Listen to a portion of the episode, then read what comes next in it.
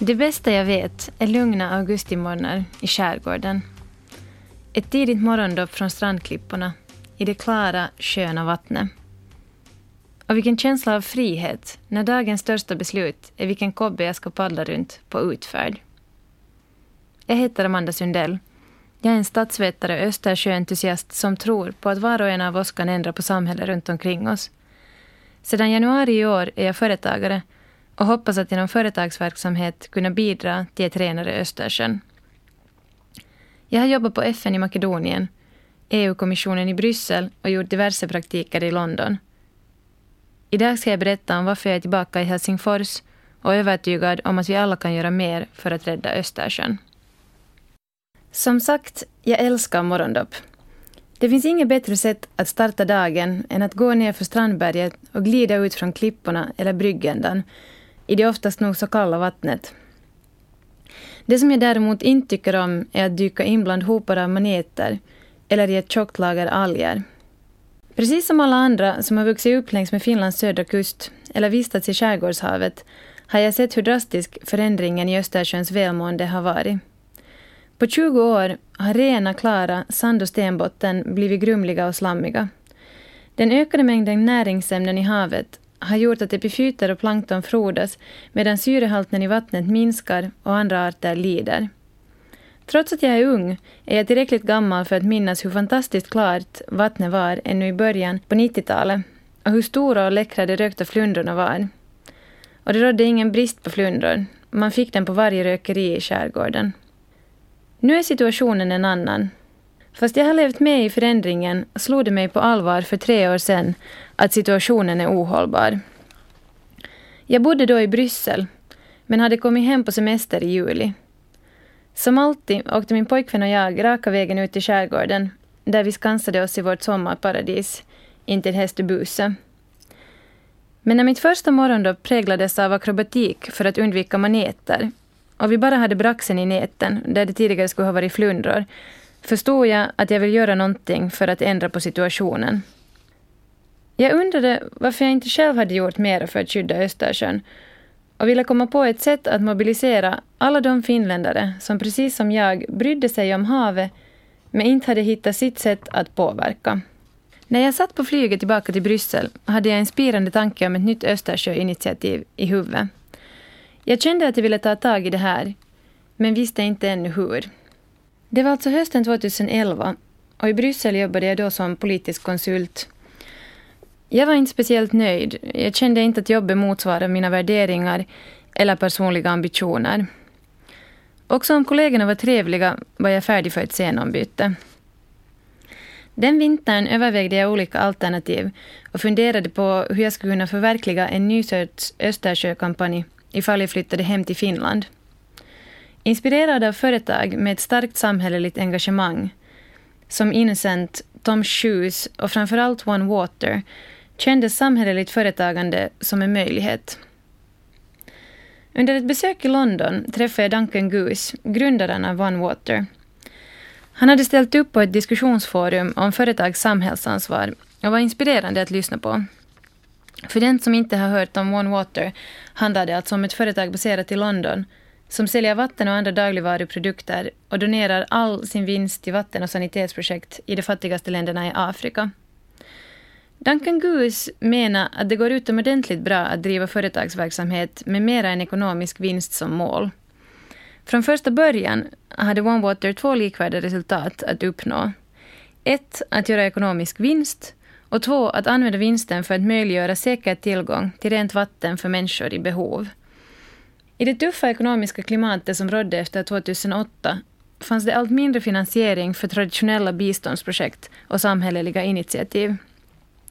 Samtidigt höll de europeiska staterna hårt om skattemedlen och storföretag och individer hade inte lust eller möjlighet att stödja organisationer på samma sätt som förut. OneWater däremot hade vuxit avsevärt och på en kort tid etablerat sig i Storbritannien och dessutom expanderat i Australien och USA. Genom att själv finansiera sina biståndsprojekt i Afrika kunde One trygga tillgången till rent vatten för mer än en miljon personer redan efter fem års verksamhet. Dessutom hade One byggt latriner, erbjudit skolmåltider för undernära barn och stött småföretagare i många mottagarsamhällen. Det skulle ha varit otroligt svårt för traditionella biståndsorganisationer att åstadkomma detsamma på så kort tid. Den diskussion jag förde med Duncan Goose fungerade som en sorts katalysator. Någon vecka senare satt jag åt middag med min pojkvän som var i Bryssel över veckoslutet. Vi diskuterade OneWater och konstaterade att approachen var genialisk. Att erbjuda människor en möjlighet att påverka i sin vardagliga rutin genom konsumtionsval och utan att kräva desto mer tid eller löften om fortsatt inblandning passar vår tid perfekt. Att konsumera etiskt är en megatrend. Samtidigt är människor också måna om sin tid och söker individuella, flexibla lösningar för alla sina behov. Att mobilisera finska konsumenter för att rehabilitera Östersjön kändes plötsligt som ett naturligt sätt att sänka tröskeln för deltagande. Ifall det är möjligt att köpa någonting man ändå hade tänkt köpa och samtidigt understödja arbetet för ett renare Östersjön finns det ju ingen orsak att inte göra det. Särskilt unga vuxna, som redan är vana att bygga och reflektera sin identitet via konsumtionsval, skulle förstå idén, tänkte jag. Jag ville starta ett företag som erbjöd ett alternativ till en av de vanligaste dagligvaruprodukterna med det klara mervärde att all vinst doneras till att rädda Östersjön. Eftersom vattenmarknaden i Finland är stor, mycket större än de flesta av oss inser, och vatten har en så direkt länk till havet, riktades mina tankar till det. Det säljs för närvarande ungefär 100 miljoner liter flaskvatten i Finland per år, vilket gör 18 liter per man. På den här marknaden finns fortfarande inget så kallat rejält alternativ. Min tanke var att erbjuda ett högklassigt brand som tävlar på toppen och erbjuder mervärde åt den engagerade konsumenten. All vinst doneras till resultatinriktat Östersjöarbete. Så här hade idén till Drop fötts. Och det där var Veronica Maggio med Finns det en så finns det flera. Vintern 2011 hade jag alltså kommit på idén till Drop. Men jag hade också sökt en del arbeten den hösten. Och i januari 2012 blev jag erbjuden ett uppdrag för FN i Makedonien, i före detta Jugoslavien. Jag övervägde mina alternativ. Jag kunde välja att flytta till Finland utan arbete och ta kontakt med Östersjöexperter och organisationer för att se ifall de var intresserade av mitt koncept. Eller så kunde jag tacka ja till erbjudandet att vara internationell koordinator och jobba med FN i Makedonien. Jag var då 25 år gammal, hade inga besparingar och betalade fortfarande av mitt studielån. Så på gott och ont blev Östersjön Sydosteuropa och tankarna om samhälleligt företagande gav utrymme att se hur multilateral diplomati fungerar år 2012. Jag hade jobbat med EUs utvinningsärenden i Bryssel och hade besökt Makedonien med kommissionen. Jag kände alltså till den politiska tudelningen som rådde och hade en uppfattning om de många utmaningarna som återstod i förhandlingarna om Makedoniens EU-medlemskap. Jag visste mycket mindre om FNs roll i landet, för att inte tala om kulturen, människorna och språket. Makedonien är ett litet land utan kust. Beläget söder om Serbien och Kosovo gränsar det till Bulgarien i öster, Grekland i söder och Albanien i väster. Makedonien ansågs vara Jugoslaviens jordbrukarrepublik och är fortfarande idag mycket agrart. Men vilket vackert land! I söder frodas vinodlingarna och landskapet för tankarna till Toscanas kullar. Den nordöstra delen av landet präglas av höga berg, populära bland vandrare, cyklister och andra utomhustyper. Här kan man vandra upp till 3000 meters höjd och njuta av otroliga utsikter över Kosovo, Albanien och Makedonien. Mellan bergsryggarna finns den vackra Ohridsjön som är stor nog att segla på och alla makedoniers favoritställe på sommaren. Trots sina natursköna landskap har det inte varit lätt för Makedonien att uppnå stabilitet efter självständigheten.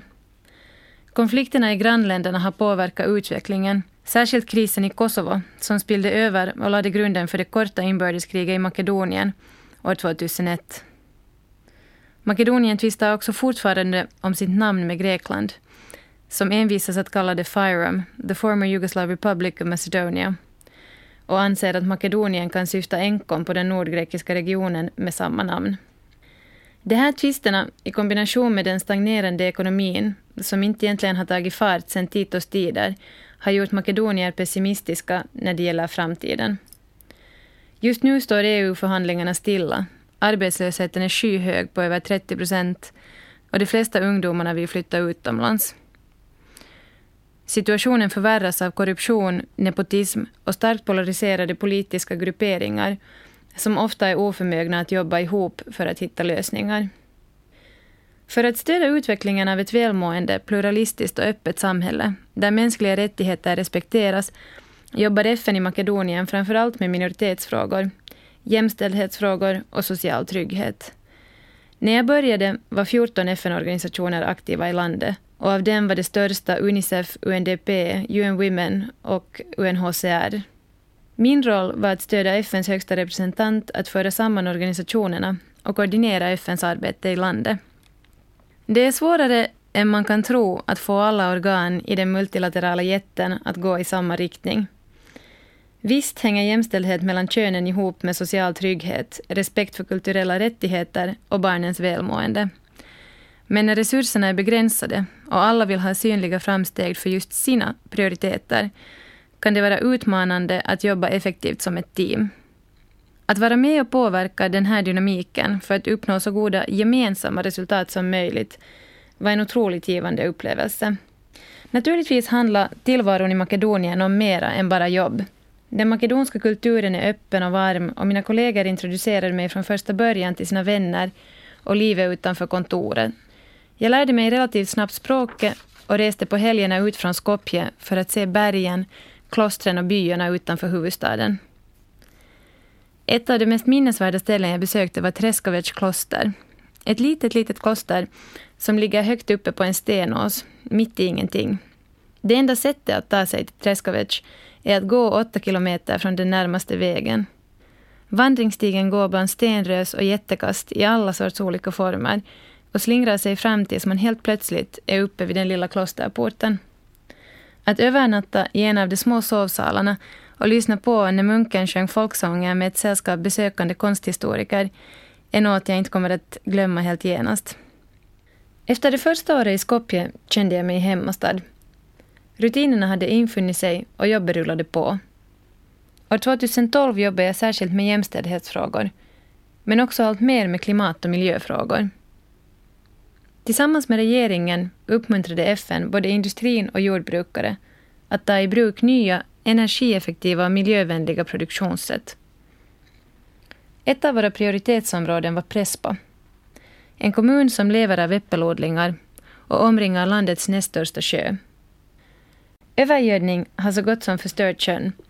Vattenkvaliteten är mycket dålig och många av de omkring 2000 arterna som lever i området har minskat drastiskt allt efter naturens degradering. Odlingarna har övergödslats och överbesprutats och tidigare fanns det ingen fungerande avfallshantering. Inte heller för avfallet från äppelgårdarna. Det här har betytt att både gödsel och avfall hamnar i sjön eller vattendragen som leder till sjön, vilket har orsakat fortsatt övernäring.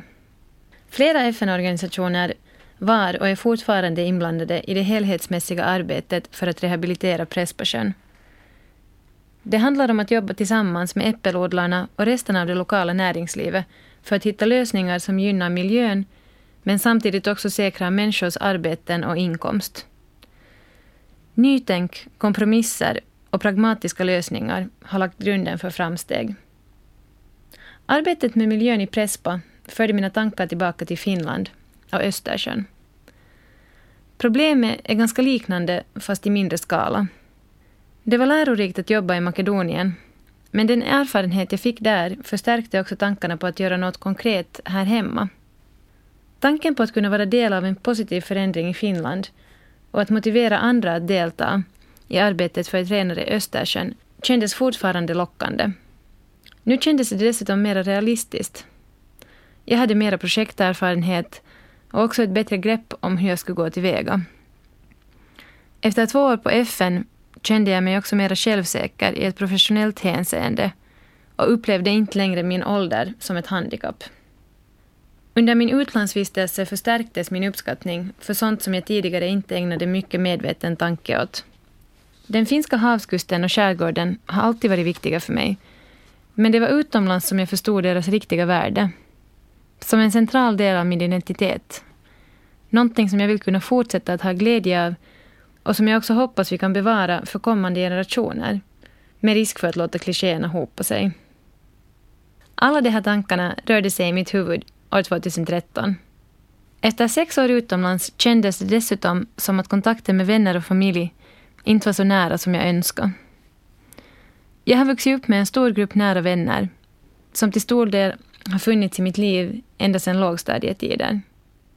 Vi har hållit ihop genom studier, utlandsvistelser och alla sorters förändringar.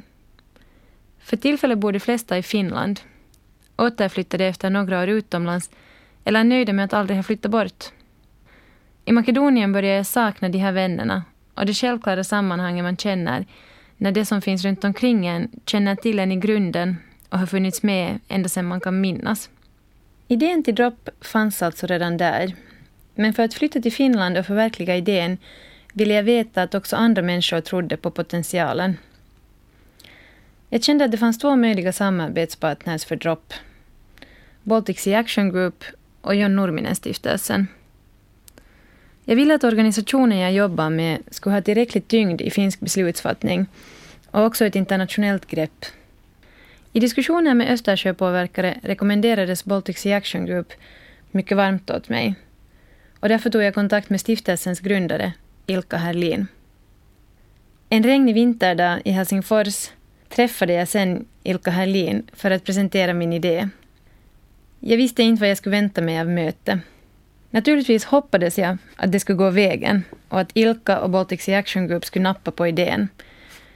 Men jag måste säga att mina förväntningar var moderata. Trots att jag personligen var övertygad om mitt koncept och idé hade jag erfarenhet av hur pass försiktiga och satta i sina vanor organisationer kan vara.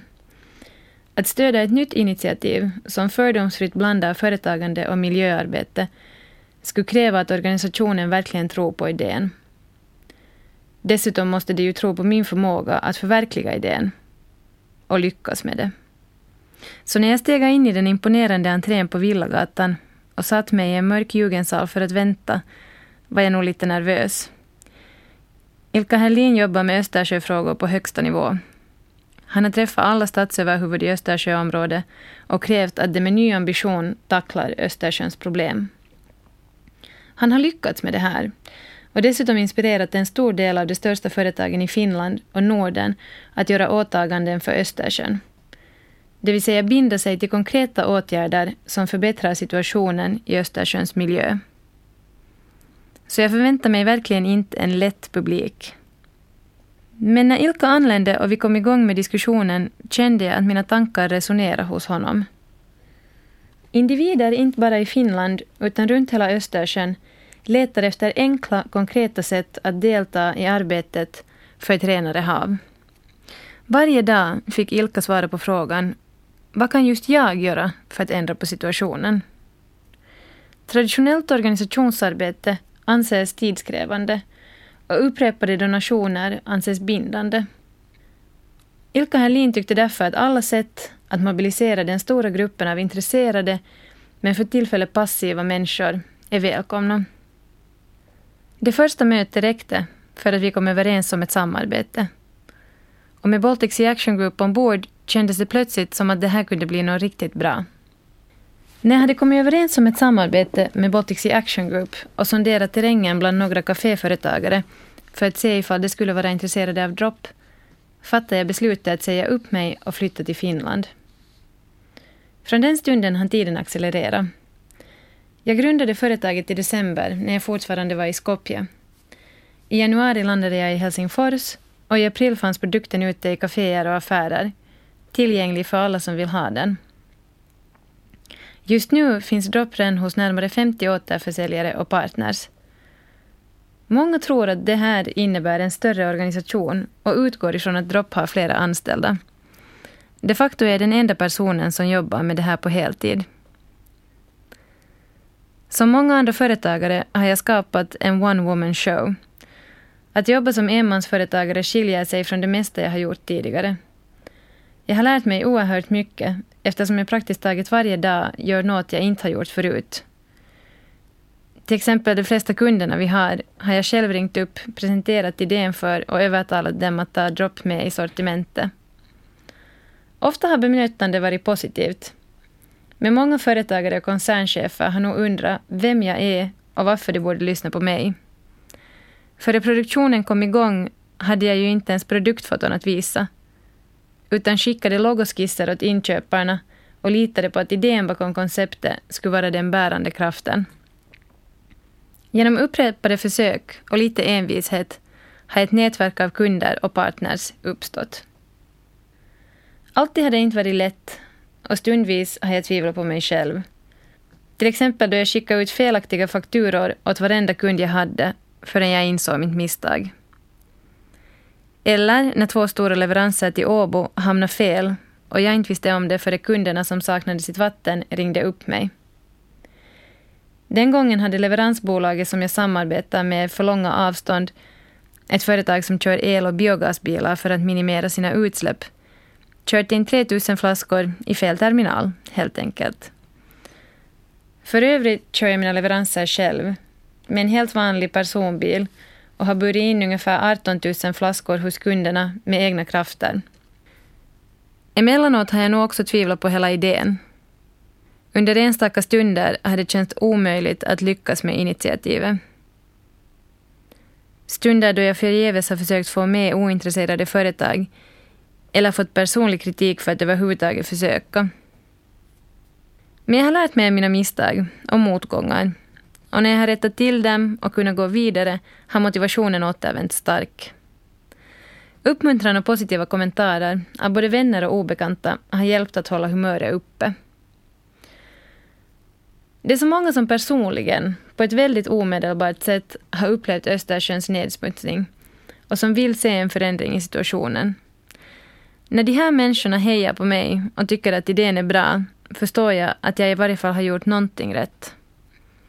Särskilt glad blir jag när Drops partners vill vara ännu mer inblandade i Östersjöarbetet och när de proaktivt introducerar mig till nya partners bara för att de själva tror på idén och vill att det här ska bli en framgång. Även om jag är den enda som är fullt sysselsatt med Drop skulle jag inte kunna starta det här ensam. Jag har haft fantastiskt stöd av företagets två styrelsemedlemmar, Sofia Tuovinen och Markus Ernroth, som har bollat idéer med mig och hjälpt mig med sitt kunnande. Både när det gäller strategi och mer konkreta frågor som till exempel produktionsdesign. Ingen del av dem har varit inblandad i någonting liknande tidigare, men tillsammans har vi sökt upp Östersjöintresserade designers, fotografer och andra duktiga proffs som har hjälpt oss att få en fin, fin logo, webbsidor, produktfoton och nya kundkontakter. Dessutom har vi lyckats få flera företag att erbjuda pro bono-tjänster och dropp, vilket jag är tacksam för. Särskilt tacksam är jag för den oändligt positiva inställning min pojkvän och familj har haft och alla de timmar de har satt ner på att hjälpa mig framåt. Deras energi har gett mig massor av extra drive som har behövts den här våren. Å andra sidan har det också påmint mig om att hela livet inte handlar om Östersjön och vatten. Och för dem vill jag spela en lite smörig sommarlåt, Coldplays Magic. Att förverkliga tanken om dropp har varit rätt val för mig. Jag hoppas att jag kan nå mitt mål och ha en betydande positiv inverkan på Östersjöns välmående. Det här projektet är det mest konkreta jag någonsin har gjort i arbetsväg. Helt plötsligt ser jag min egen arbetsinsats Helt plötsligt ser jag min egen arbetsinsats på ett helt nytt sätt det går inte att jämföra med att jobba i en stor organisation som FN eller EU. Och jag får motivation av vetskapen om att jag bidrar med resurser direkt till förmån för Östersjön istället för att vara en del av administrationen i en stor organisation. Jag hoppas också att idén bakom Drop kan fungera som inspiration för andra företag och för individer som överväger samhälleligt företagande. Jag skulle inte ha börjat med Drop ifall jag inte skulle tro på mina möjligheter att ändra på samhället runt mig. Det må låta naivt, men jag tror på att förändringar sker när vi tror på möjligheten till förändring och strävar efter den i våra egna val. Precis som José González sjunger It's your life, it's your call. Jag heter Amanda Sundell och jag har varit din sommarpratare idag. Jag önskar er alla en riktigt skön sommar.